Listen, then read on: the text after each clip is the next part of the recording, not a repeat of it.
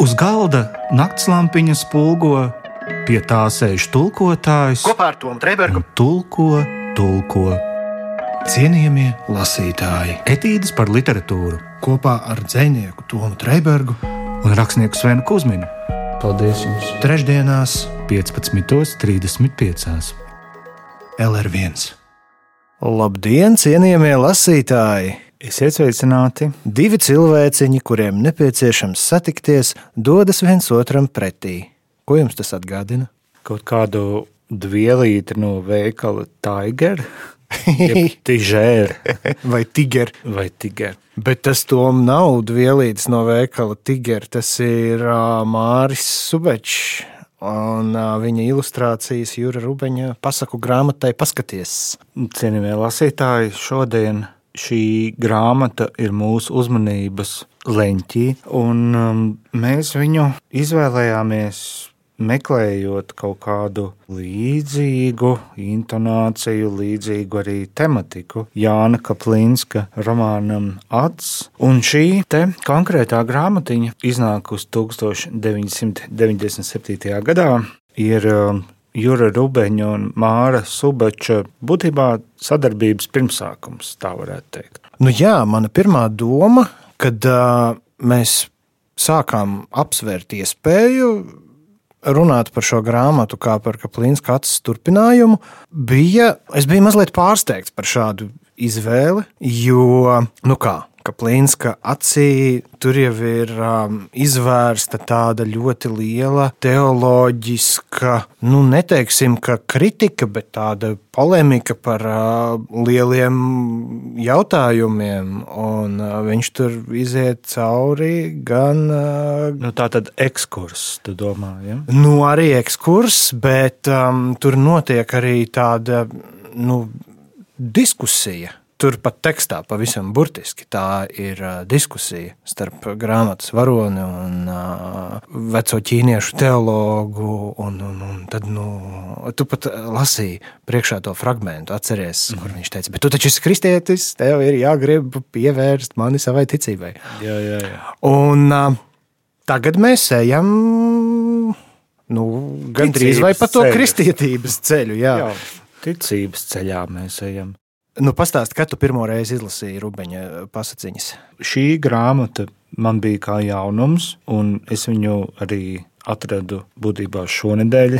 Tikai pateicoties mūsu manai un tavai kopīgai grāmatu draudzenei Gunai Zelmenē, viņas um, plauktuvēs, bet Jura Rubeņa nostāju un viņa vēstījumu par to, ko nozīmē Dievs un ko nozīmē cilvēka dzīve šīs sapratnes kontekstā, to es vislabāk uzzināju no grāmatas Dievs ir tepat, kuru, ja nemaldos, apgādes zvaigzne izdeva kaut kādā 99.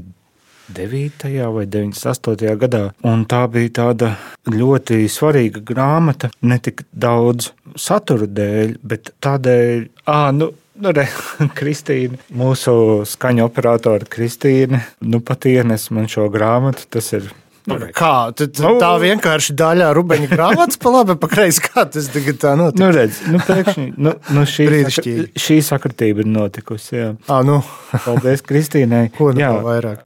nu, lūk, ļoti ilgs ievads tam, ko es gribēju teikt, bet pavisam to tagad savākot kopā.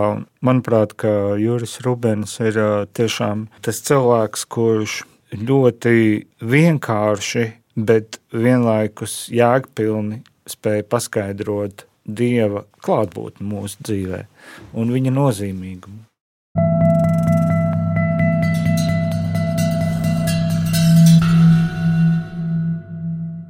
Nu jā, manas sākotnējās šaubas droši vien tieši šī iemesla dēļ arī tika kliedētas, jo šī ticība, šī dieva klātbūtne, nu, tā ir ļoti atšķirīga dieva klātbūtne.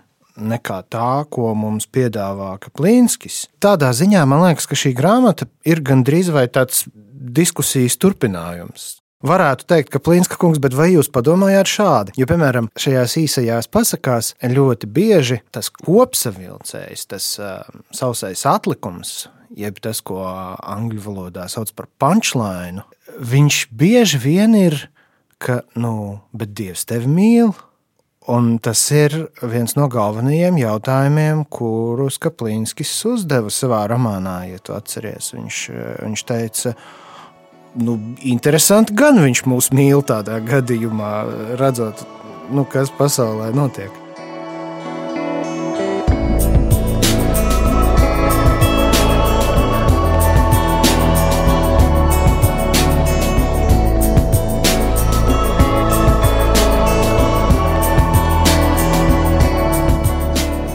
Šeit ir viens neliels piemērs. Pasaka sarūktinātais.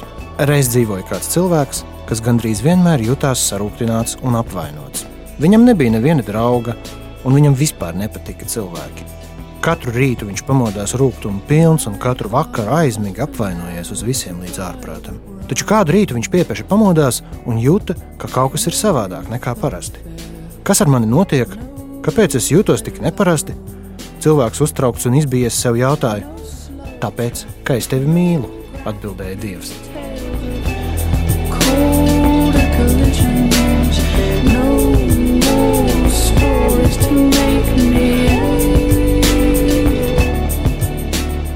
Jā, tas ir interesanti, ka tu uzsvēri to mīlestības faktoru. Man liekas, ka šādās situācijās, kurās mēs lasām kaut kādu stāvokli pirms kaut kā notikšanas. Būtībā pirms ticības, godīgi sakot. Tu domā, kā kaut ko, kas notiek ar to pasaku varoņiem? Nē, es domāju, ka šī grāmata nav domāta, nu, lai kādu pievērstu ticībai, bet es vienkārši iedomājos, kā ir tam lasītājam, kurš vēl ir soli pirms ticības, tajā ziņā. Mm. Jā, un arī tāpēc par to grāmatu kā jau es minēju, Dievs ir tepat. Man vispār šķiet, ka Dievs ir tāda lieta, kas ir viskaitinošākā lieta vispār uh, visā universā. Jo tikko kā tu par viņu uzzini, un arī tajā brīdī, kad tu par viņu kaut ko saproti, viņš nekad no tevis neatstāsies. Un tas nav pat saistībā tādā ziņā, ka tu nesātu viņu līdzi vai tam līdzīgi, bet viņš vienmēr būs tavā galvā. Nu, tā ir interesanta situācija. Nu, bet, uh, es atceros, nu pat nesen izlasīju vienu senu Ulža Bērziņa tekstu par to, kā kļūt par dieva draugu ko viņš noslēdza ar atziņu, ka vienīgais veids, kā kļūt par dieva draugu, ir pašam šo dievu radīt. Man ļoti zīmīgi šķita tas, ka Rubens šajās pasakās Pievērs uzmanību. Dievs sāk runāt ar tiem pasaku varoņiem tajā brīdī, kad viņi vēršas pie sevis. Kā piemēram, tajā, ko es nolasīju pirmīt. Viņš neskatās debesīs, kliegdams pret dievu, manas dievs, kāpēc es šodien jūtos dīvaini. Viņš to paprasa sev, un tad to atbildi, nu, loģiski būtu pieņemt, ka viņš viņu saņem no iekšpuses. Tas nozīmē, ka drīzāk viņš vēršas nevis pie kaut kāda ārējā dievišķā spēka, bet drīzāk pie dievišķā pirmsākuma sevī. Es saprotu, kāpēc tas saka, ka tas dievišķuma jēdziens ir tāds kaitinošs, tāpēc ka nu, to pirmsākumu katram ir noslēdz dēvēt kaut kā citādāk. Un, ja tu tādam karavīgam attīstam pateiks, ka tu to sauc par dievu, tad jā, tur notiks kaut kāda rīvēšanās par šo tēmu, vai arī tieši otrādi. Nu, par to nekad nebūs vienprātības. Pasties cilvēki tūkstošiem gadu karo un slepkavo viens otru nost, lai saprastu, kas tas vispār ir. Un nekāda kopsaucēja joprojām nav. Jā, un viņš arī nekad nebūs. Tā fundamentālā nostāja ir tāda, ka tas cilvēks, kuram tas ticības notikums ir tik ļoti svarīgs un aktuāls savā dzīvē, viņš nekad nu, nepieņems to alternatīvu. Nolasīšu divas pasakas. Tad pirmā pasaka ir par vīrieti un sievietēm.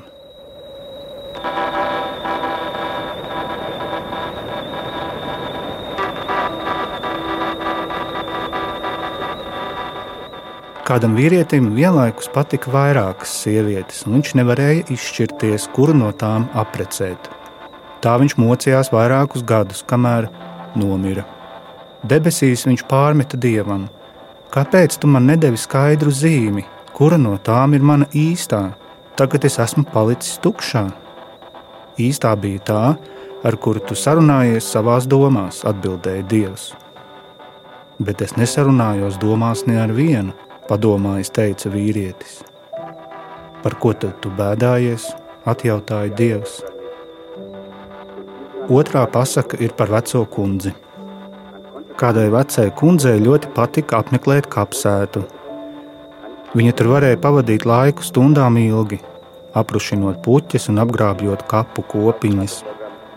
Vasarās viņa parasti no rīta devās uz kapsētu un pārnāca āleši tikai ap pusdienu laiku. Paskaties, viņai sacīja Dievs. Apkārt taču ir tik daudz dzīvo, kam pietrūkst uzmanības un mīlestības. Jā, protams, bet dzīvos ir grūtāk mīlēt, atbildēja kundze. Bet tad jau tas nozīmē, ka tu nemīli nevienu, sacīja Dievs.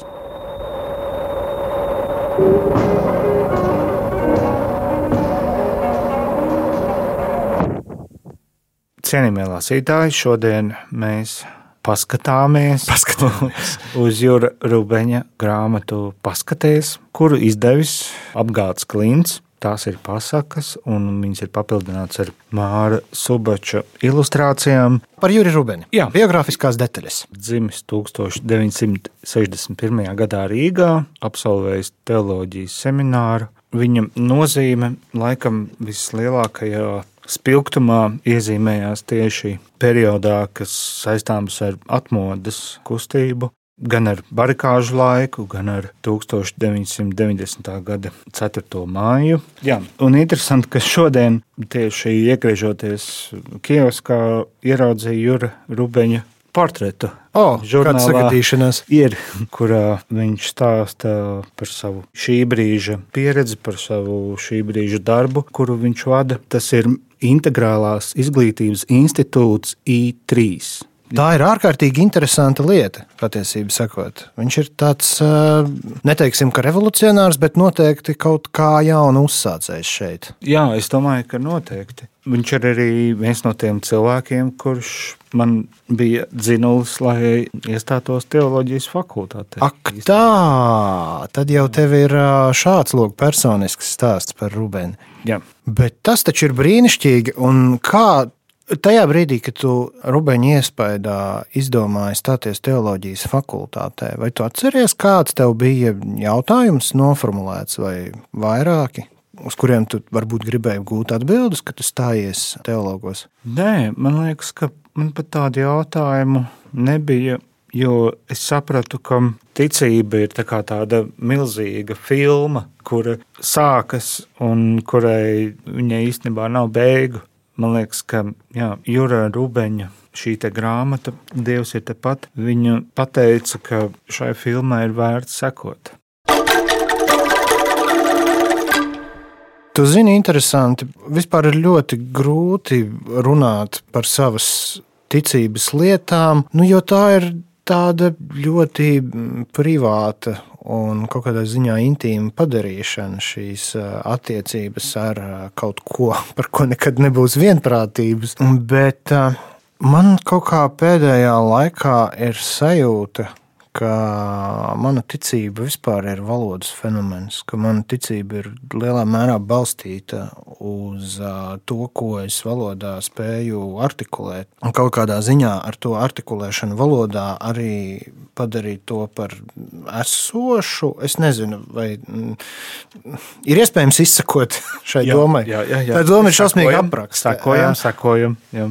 Tā šo, doma ir šausmīgi abstrakta, bet tad, kad es teiksim, runāju par privāto ticību, es nerunāju obligāti par ticību dievam kā tādam. Mēs varam šo jēdzienu izmantot, mēs varam viņu neizmantot, tam nav tik liels nozīmes. Svarīgi ir ticība drīzāk kā kaut kāds valodas komplekss, laikam, ar kuru es uh, apējos. Uh, lai vispār jebko par šo pasauli saprastu. Protams, jā. tu sāc ar valodu, lai varētu ticēt. Nu, nu, Tāpēc, ka tu sevi organizē valodas diktātā. Nu, Galā. man vispār valoda ir esības mājoklis. Nu, tieši tā. Un, ja. Bet kas attiecas uz to it kā centrālo, nu kā, ja kristietībā tā centrālā, ja, ja tai centrālajai vienībai, tai asī, ap ko griežas cilvēka ticība, ir dots kaut kāds vārds, vai tas būtu nu, Dievs vai Jēzus Kristus vai kas tam līdzīgs, tad um, šķiet diezgan drosmīgi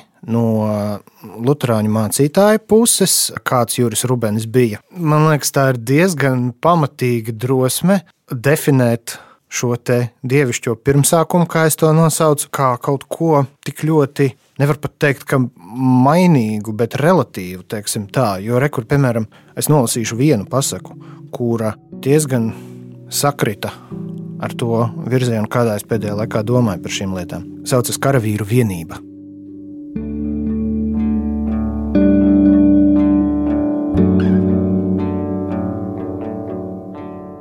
13 karavīriem bija jāveic bīstama kara operācija.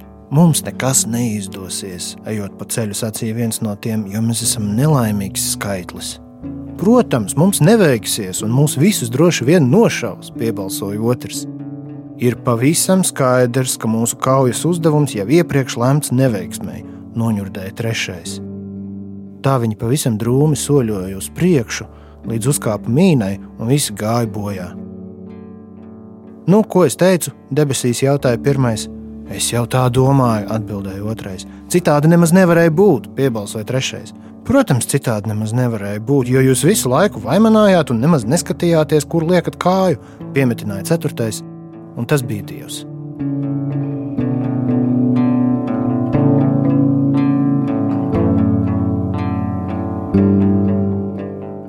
Arī par Māru Subaču. Man liekas, ka Māra Subača grafikas ir ļoti svarīgas. Ne tikai šajā te tekstuālajā izteiksmē, bet arī mūsu domāšanas stratēģija, tā var teikt. Nu, viņas nav atdalāmas no šiem tekstiem.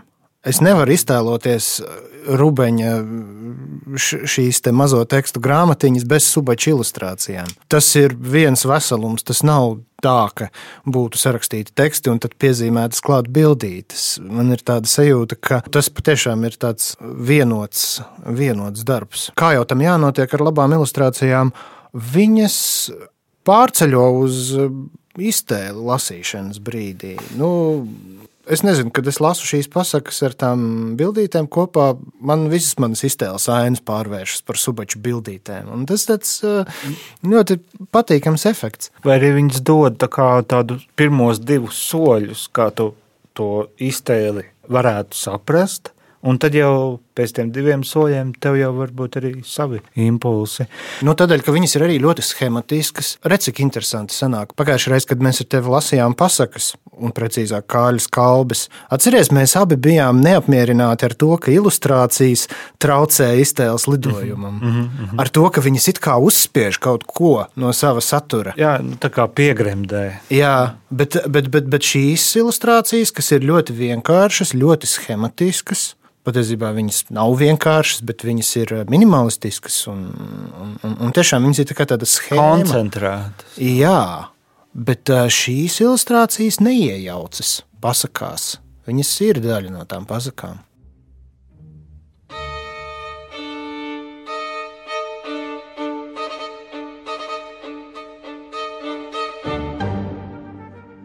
Fantoms.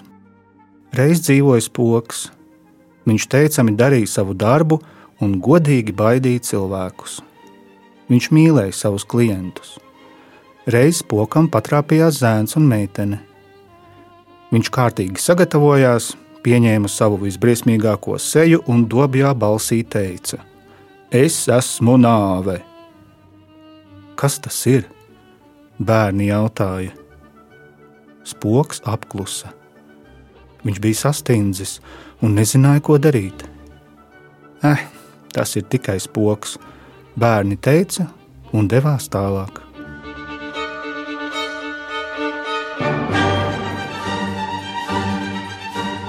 Nu, bet tad jau droši vien ir jānolasa arī par to, kāpēc zivīm garšo mušas. Reiz kāds puisis sēdēja pie ezera. Ainava bija miera pilna. Puisis priecājās par zivtiņām, kas mierīgi peldēja gar ezera malu, un spārēm, kas lidinājās virs ezera. Pēkšņi viena spāra iekrita ūdenī, un zivis viņai metās virsū. Puisim tas likās cietsirdīgi. Kāpēc tas tā ir iekārtots? Viņš jautāja dievam. Tāpēc, ka tā nav mūžīgā pasaule, dievs puisim atbildēja. Kāda būs mūžīgā pasaule? Puisis jautāja. Tāda, kādu mēs ar tevi kopā radīsim, dievs atbildēja. Bet es taču neesmu Dievs, puisis dievam teica. Bet es gribu, lai tādiem kā tu tajā būtu labi. Dievs puisim atbildēja. Nu, ko cienījamie lasītāji? Šodien mums tādas teoloģiskas noskaņas. Es un... pat nezinu, tev šķiet, jā, ka tas ietilps teoloģijas kategorijā.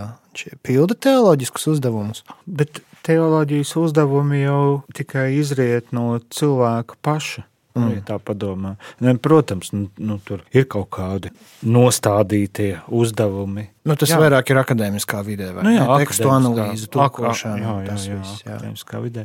Bet nu, šoreiz mums bija tāda interesanta iespēja palasīt Jura Rubeņa un Māra Subača kopīgi gatavoto projektu. 1997. gads un izdevums paskaties. Tāda iespēja tiešām paskatīties, vai padomāt, vai paklausīties. Jā, vai ne? Man liekas, ka Zini, man, man vēl bija mm, mazliet sākotnēji, atkal kārtējo reizi. Man bija mazliet šaubas par to, vai nepastāv iespēja, ka tas viss aizies varbūt mazliet tādā morāliskā gultnē, un, jo to jau nu gan negribētos. Nu, vai arī tieši otrādi, tā, ja tā būtu pat nevis moralizēšana, bet kaut kāda, nu, pat ne filozofēšana.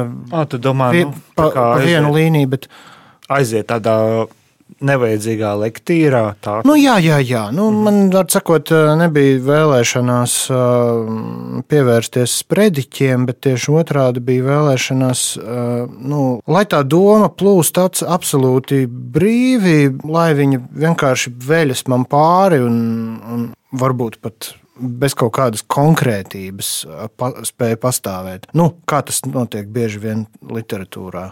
Ja? Jo literatūrā mm. jau tā konkrētība Tas nav obligāts nosacījums. Tur jau var vienkārši plūst pa strāmu un skatīties, kur tas teksts tevi aizvedīs bez kaut kāda noteikta mērķa, un vēl jau vairāk bez kaut kāda morāla vai ideoloģiska vai reliģiska uzstādījuma. Nu, vienkārši tevi, teksts tevi nostāda fakta priekšā, ka viņš ir, un tālāk jau tu vienkārši dzīvo līdzi. Jā, man bija mazliet bail, ka es nevarēšu ar šo grāmatu tā izpildīties. Bet, lūk, izdevās gan beig beigās. Jā. Es domāju, tas ir tieši tādēļ, ka mm, Rubens lūk, šajos tekstos tā, ar dažiem izņēmumiem, ar dažiem maziem izņēmumiem, viņš, tā, viņš atstāja viņš nāk tukšumus klajā.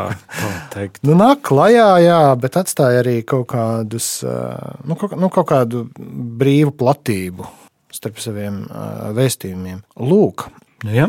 cienījamie lasītāji, mēs laikam nekad vēl neesam ar Tomu šī raidījuma ietvaros. Tik daudz runājuši par Dievu. jā, un zinot, cik šī tēma ir jūtīga, Ja nu kāds no jums kādā brīdī izvēlējās uz mums par kaut ko apvainoties, tad uh, raidījums ir beidzies, un apvainošanos jūs varat arī atcelt.